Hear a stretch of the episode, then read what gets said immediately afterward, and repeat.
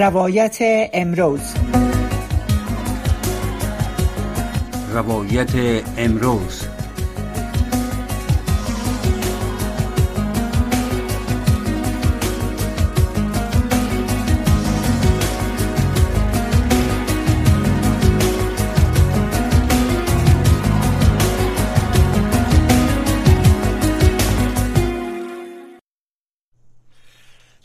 عزیز سلام. شب همه شما بخیر. حفیظ آصف هستم و با تقدیم برنامه روایت امروز با شما هستم. از این پس روزهای یک شنبه و دوشنبه ما حفیظ آصفی به امرای همکارم احد عزیزاده برنامه روایت امروز گردانندگی می کنیم که به مسائل فرهنگی پس از تسلط طالبان در افغانستان اختصاص خواهد یافت. در برنامه روایت امروز مهمان داره مهمان محترم برنامه آقای علی کیان نویسنده و کارگردان سینما و دست در کار مسائل فرهنگی است که از پاریس با ما صحبت می‌کنند. از آقای کیان در رابطه با آخرین تلاشا و فعالیت های اونا در فرانسه صحبت می‌کنیم. جناب آقای کیان سلام به شما. خوش آمدین. تشکر از اینکه دعوت مرا پذیرفتین. صدای مرا دارین؟ سلام. تشکر. و سلام به بیننده های محترم صدای آشنا. گفتن است خدمت شنوندگان که هم برنامه ما یعنی برنامه روایت امروز و صورت زنده روی انبار موج متوسط 972 کیلوهرتز پخش میشه. هم بینندای ما امی برنامه را از طریق ستلایت می‌بینند جناب آقای کیان خوشحال هستم که شما به فرانسه شریف بردین خب پس از تسلط طالبان از افغانستان خارج شدیم درست است؟ بله ما بعد از سقوط کابل در رویداد 15 آگوست از افغانستان خارج شدیم و فعلا در کشور فرانسه پناهنده هستیم. در آخرین صحبت هایی که ما شما داشتیم شما که از گرداننده ها و یا شاید هم گرداننده برنامه و تاسیس کننده برنامه میرگار فیلم در افغانستان بودین که هرچندگاه جشنواره های هنری سینمایی را در افغانستان برگزار می‌کردین. برآمدن از از افغانستان پس از تلاش ها و فعالیت های هنری به یک بارگی بریدن از همه چیز. چقدر برای شما دشوار بوده؟ خب قاعدتا کار دشواری بود به خاطر که ما تمام دستاوردهای 20 ساله را در افغانستان از دست دادیم و برنامه های مهم سالانه که ما در افغانستان داشتیم که یک از اونها هم جشنواره بینالمللی فیلم مهرگان بود. و همینطور نهاد هنری که من مدیریت می‌کردم به نام اکادمی هنر و علوم سینمایی که تمام برنامه های هنری ما در واقع در اکادمی هنر مدیریت و برنامه روزی شد همه این فعالیت ها متاسفانه با فروپاشی دولت افغانستان و سقوط کابل متوقف شد. اما با آن هم ما بعد از این که از افغانستان خارج شدیم به تلاش هایمان ادامه دادیم و به لحظ فردی تانستیم که در طول یک و نیم سال گذشته کارهای خیلی خوب را بله. در طول برنامه که 25 دقیقه دیگه هم خواهد بود مطمئنا در رابطه به تازه ترین کارهای شما مشکلات فرارای شما صحبت خواهد کردیم. اما یک مسئله را من نظر شما را می‌خواستم آقای کیان. پس از که طالبان آمدن در آغاز و قدرت تصاحب کردن در گذشته ها در دهه 90 مطمئنا پس از آمدن بلا فاصله برخورد بسیار تند و خشنی داشتند با همه دستن در کاران مسائل هنری. ای بار به شکل مشخص کدام اطلاعیه ابلاغی خاص صادر نکردند. گفتم میشه که بسیاری از هنرمندا و دستندرکاران مسائل فرهنگی خودسانسوری کردن پیش از اینکه طالبان بگن خودشان با در نظر داشت و با خاطره که از طالبان دهه 90 داشتن بلافاصله افغانستان را ترک کردن شما چی احساس داشتین؟ آیا فکر می‌کنین که فعالیت های سینمایی کماکان می‌تونست ادامه پیدا بکنه؟ خب این موضوع در واقع یک و سال گذشته به خودی به خوبی ثابت کرد که سیاست های طالبان و رفتار آنها در قبال مسائل فرهنگی به خصوص مسائل هنری چگونه هست؟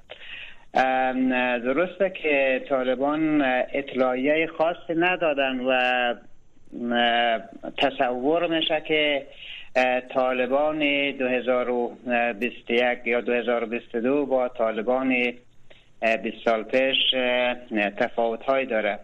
منتها من فکر می‌کنم که این تفاوت ها بیشتر در این هست که طالبان 20 سال پیش طالبان صرفا ایدئولوژیک بودن و طالبان امروز طالبانی هستند که با تمام مسائل برخورد سیاسی امنیتی و اقتصادی دارن و در واقع بیشتر از طریق خدعه و نیرنگ و فریب وارد میشن. چنانچه که اونا در آغاز اطلاعیه دادن عفو عمومی اعلان کردن که ما با هیچ یک از مخالفین خود حتی مخالفین مسلح و فعالان جامعه مدنی زنان و هیچ یک از افراد جامعه مشکلی نخواهیم داشت و هیچ کدام از این افراد تحت پیگرد ما قرار نخواهد گرفت. اما خیلی زود ما دیدیم که طالبان در ابعاد خیلی گسترده شروع کردن به تصویه حساب با انهای مختلف و تعداد زیاد از مردم دفاع نظامی ها فعالان مدنی فعالان سیاسی و برخی از هنرمندا و همینطور جامعه روزنامه نگاری را محاکمه صحرایی کردن یا آنها را به زندان انداختن و تعداد زیادی در واقع مفقود الاثر هست. همین حالا ما چندین روزنامه‌نگار رو داریم که در بند طالبان هستن و تعداد هم خب همون اوایل تعداد رو هم تیرواران کردن محاکمه صحرایی کردن. خب اینا چیزایی هست که قاعدتا جای ترس داره و نشان میده که زمینه هیچ گونه فعالیت جدی در عرصه فرهنگ و هنر و خصوص سینما در افغانستان وجود نداره. بله. خب شما برآمدین ما این رقم که فرمودین پیشتر که در افغانستان گردانندگی اکادمی هنر علوم سینمایی را هم به دوش داشتین.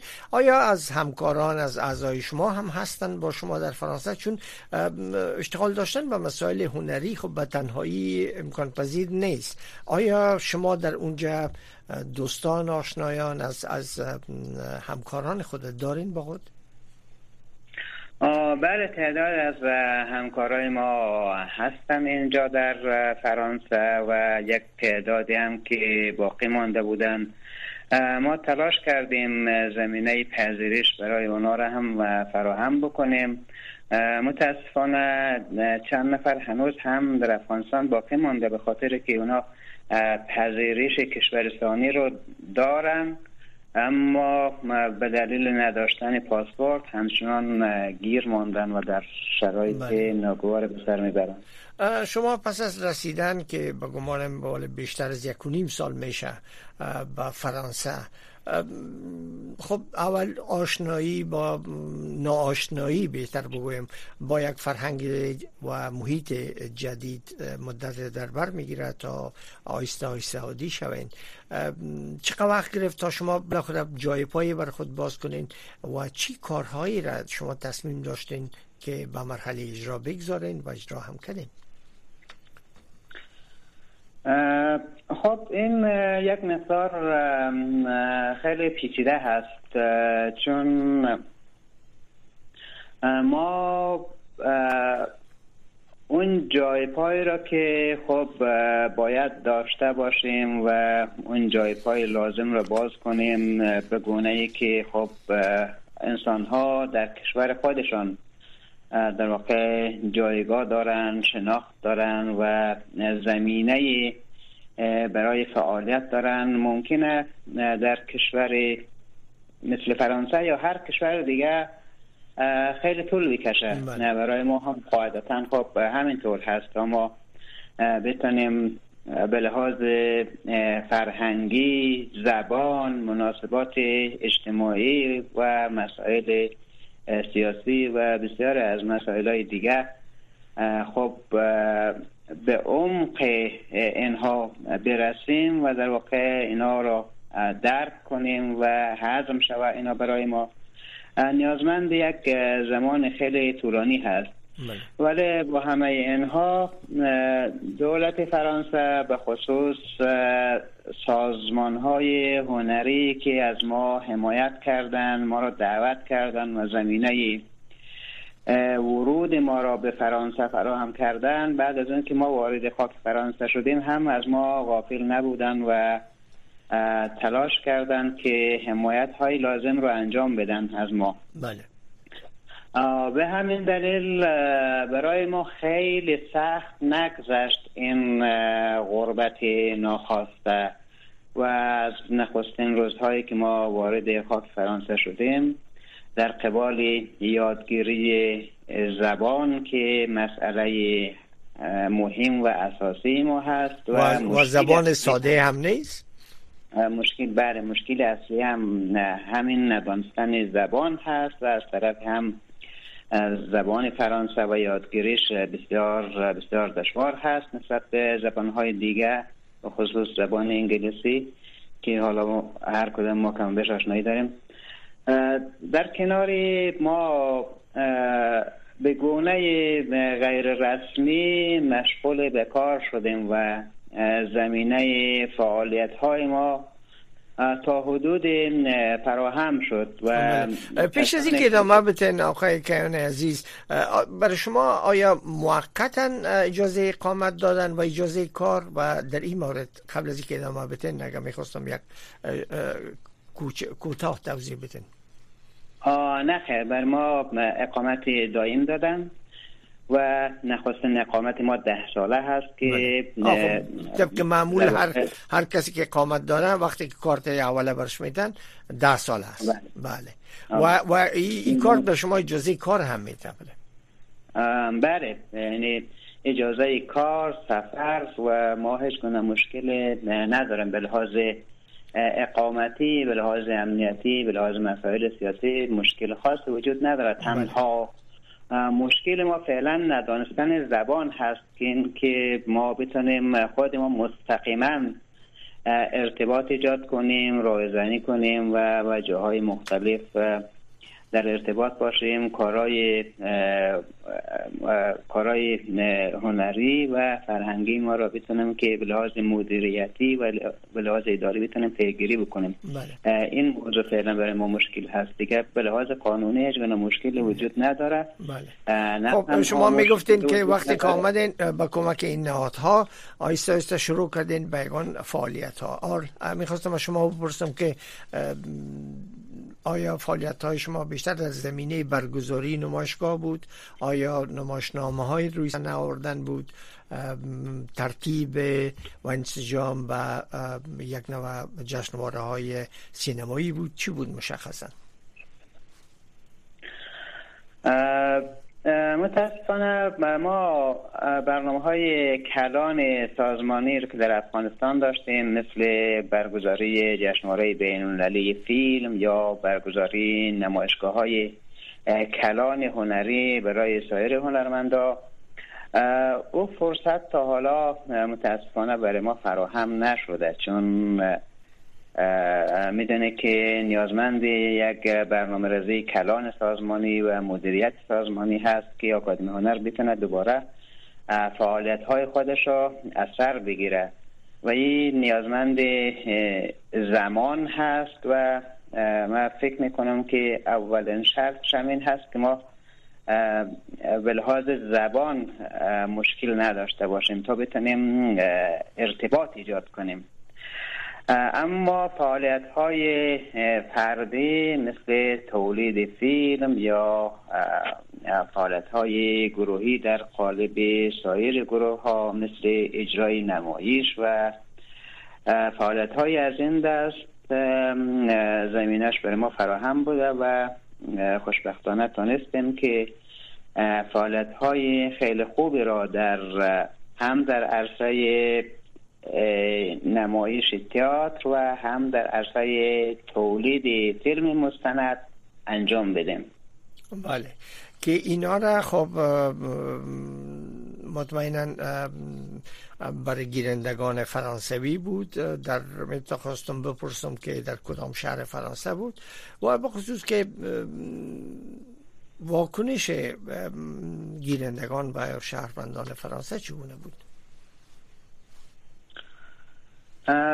ما من خودم شخصا از وقتی که وارد فرانسه شدم در قدم اول شروع کردم به نوشتن یک کتاب بله. در واقع همون سفرنامه من بود و رویدادهای 15 اگوست و اتفاقات که افتاد در کنار نگارش کتاب من در این مدت دو تا فیلم مستند هم ساختم. خب.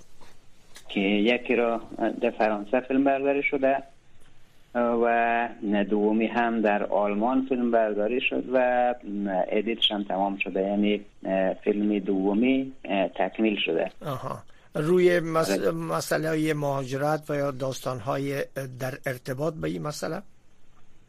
بله بیشتر در رابطه با همین مسائل هست.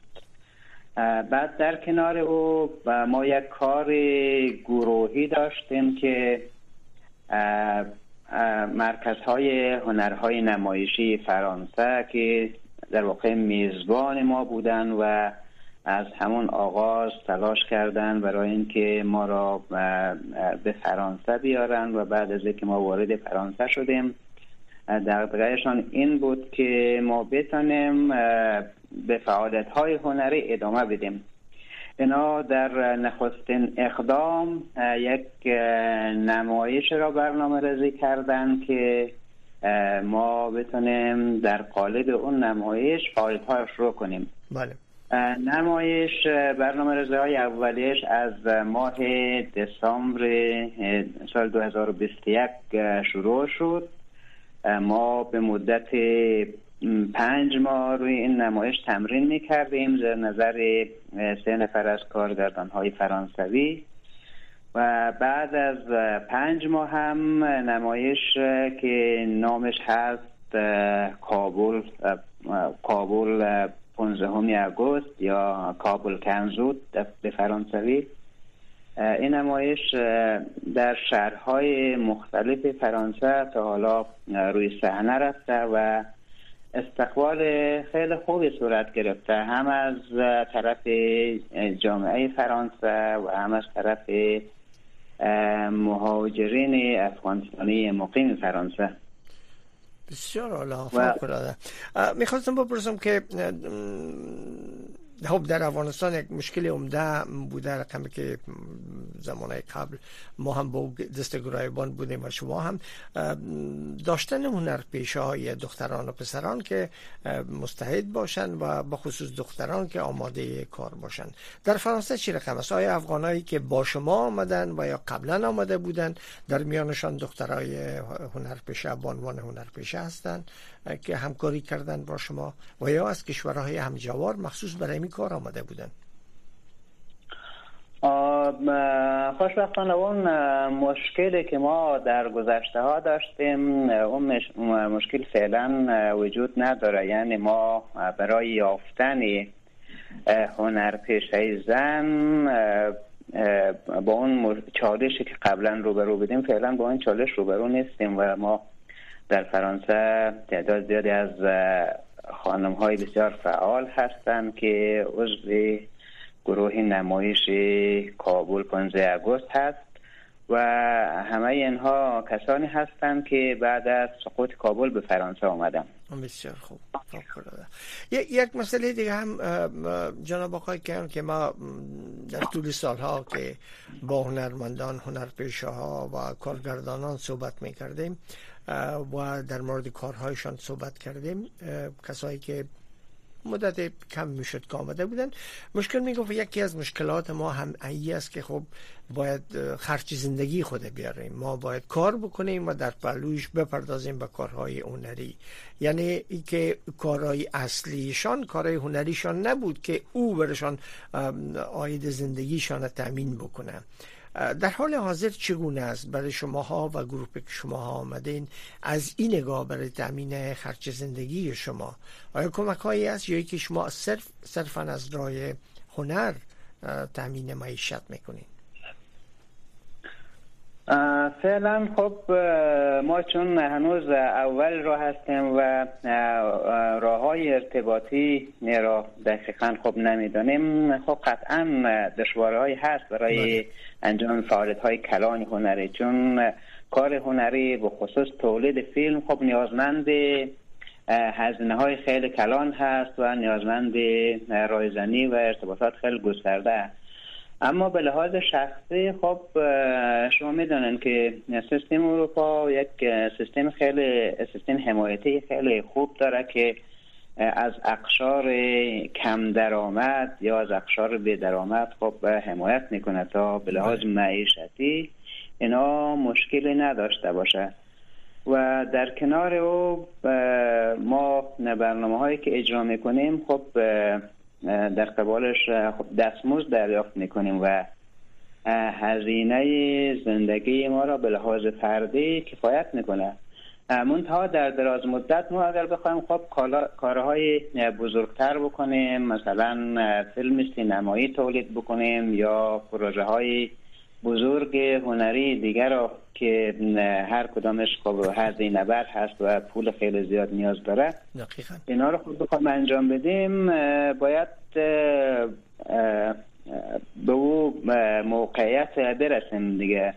و همونطور که پیشتر هم گفتم اولا شرطش زبان هست. ما باید به لحاظ دانستن زبان مشکل نداشته باشیم تا بتونیم ارتباط مناسب ایجاد بکنیم با سازمان های مختلف قطعا سازمان های زیادی هست که در زمینه توسعه هنر و همینطور ادغام مهاجرین فعالیت می‌کنه بله. یک بحث خیلی مهم و سیاست خیلی مهمی که در اروپا هست دنبال میشه و برش خیلی هم هزینه میشه. بحث ادغام هست که تلاش میشه مهاجرین در جامعه, جامعه میزبان از جهات مختلف ادغام شود تا مشکلی وجود نداشته باشه.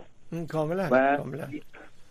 بله در زمینه ادغام میشه خب فعالیت های خیلی زیاد کرد میشه فعالیت های هنری کرد میشه فعالیت های فرهنگی کرد و یعنی کار و زمینه برای کار بله. قاعدتا وجود داره تشکر جناب آقای کیان خوشحال هستم که آهسته آهسته در مسیری که خواستین به راه بیفتین با همه دستندرکاران و دوستا و همکارانتان خودش جای بسیار بسیار زیاد افتخار است. آقای کیان فقط پنج دقیقه به ختم برنامه مانده. می‌خواستم ضمن این مسئله رو بپرسم که شما فعلا در پاریس هستین یا در کدام شهر دیگه فرانسه؟ ما در شهر قوان هستیم که خب. تا پاریس بله در, در غرب در غرب فرانسه هست. کم ویش آشنایی دارم حدود 14 سال در فرانسه بله، بله، بله. مربوط نورماندی میشه و شهر قوان هم مرکز ایالت نورماندی هست. بسیار خوب. جناب آقای کیان آیا فکر می‌کنین که فقط تا سه دقیقه دیگه برنامه ختم میشم چقدر نسبت به افغانستان چقدر فعالیت های هنری برون مرزی می‌تونه موثر باشه؟ خب گیرندگان بیشتر گیرندگان فرانسوی و یا اثر هنری که در هر کشور خارجی گیرندگانشان همو شهروندان همو کشور است. چقدر امکان داره که با نظر داشته تکنولوژی امروز شما بتانین پیامتانه بالاخره به حاکمان امروز کابل به شهروندان افغانستانی که گیر ماندن و گروگان گرفته شدن بفرستین. خب قاعدتا تلاش های که صورت می‌گیره یعنی حتما به باور من اثرگذار هست. هم در ذهنیت جامعه میزبان اثرگذار هست. همین که در دیدگاه جامعه جهانی و کشورهایی که در قبال افغانستان تصمیم گرنده هستند حتما روی اونا هم اثرگذار هست و من مطمئنم در دراز مدت روی افکار گروه حاکم بر افغانستان هم به تاثیر نخواهد بود.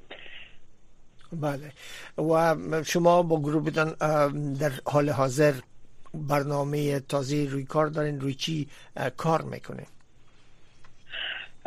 ما فعلا حالا در کنار کارهای انفرادی که من گفتم که خب بله، من خودم دو تا فیلم ساختم و همینطور دو تا فیلم مستند دیگه هم خانومم ساختم در دو سال.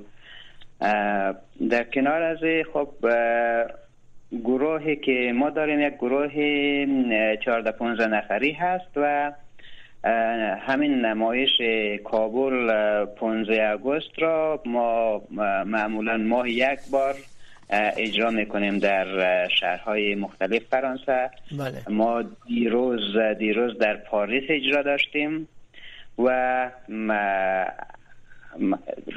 تاریخ 6 او غیل به حساب اینجا یا بله، همون شش بله،, بله. در شهر ایوغو اجرا داریم دوباره. اوغو بله. و بله. هزینه مسافرت و هتل و اینا را خود شما یعنی این نمایش های شما می‌تونه خود کفا باشه و یکی که مراکز یا نهادهایی هستن که شما را کمک می‌کنن نه این نمایش کابل 15 اگست در جدول رسمی نمایش های سالانه مرکز هنرهای دراماتیک فرانسه در واقع ثبت شده و بودجه, بودجه داره بودجهش منظور شده از طرف دولت و برای هر اجرا بودجه مخصوص داره که هم هم به هنرپیشه ها و عوامل نمایش دستمزد داده میشه و همین که هزینه رفت و برگشت و اقامت و هتل و تمام هزینه هایی که نیاز هست. از بودجه که در نظر گرفته شده تأمین میشه. به نهایت خوب فوق العاده بر شما آرزوی موفقیت می‌کنم. جناب آقای کیان تشکر از که دعوت مرا پذیرفتین. خوشحال شدم با شما صحبت داشتم. در آینده هم تلاش می‌کنیم که با شما صحبت داشته باشیم و بر شما آرزوی موفقیت می‌کنم. سلامت باشی. از شما سپاسگزارم که فرصت رو در اختیار قرار دادین تا بتونم با بیننده های محترم شما صحبت داشته باشم تشکر. شب روز خوشی بر شما آرزو می‌کنم. شنوندگان عزیز برنامه روایت امروز در همینجا به پایان می‌رسه. اما نشرات پشتو و دری رادیو آشنا صدای امریکا همچنان ادامه داره. برنامه بعدی ما صدای شما یا استاس است که با گردانندگی همکاران ما بانو زیبا خادم و بانو فوزی احسان پیشکش میشه.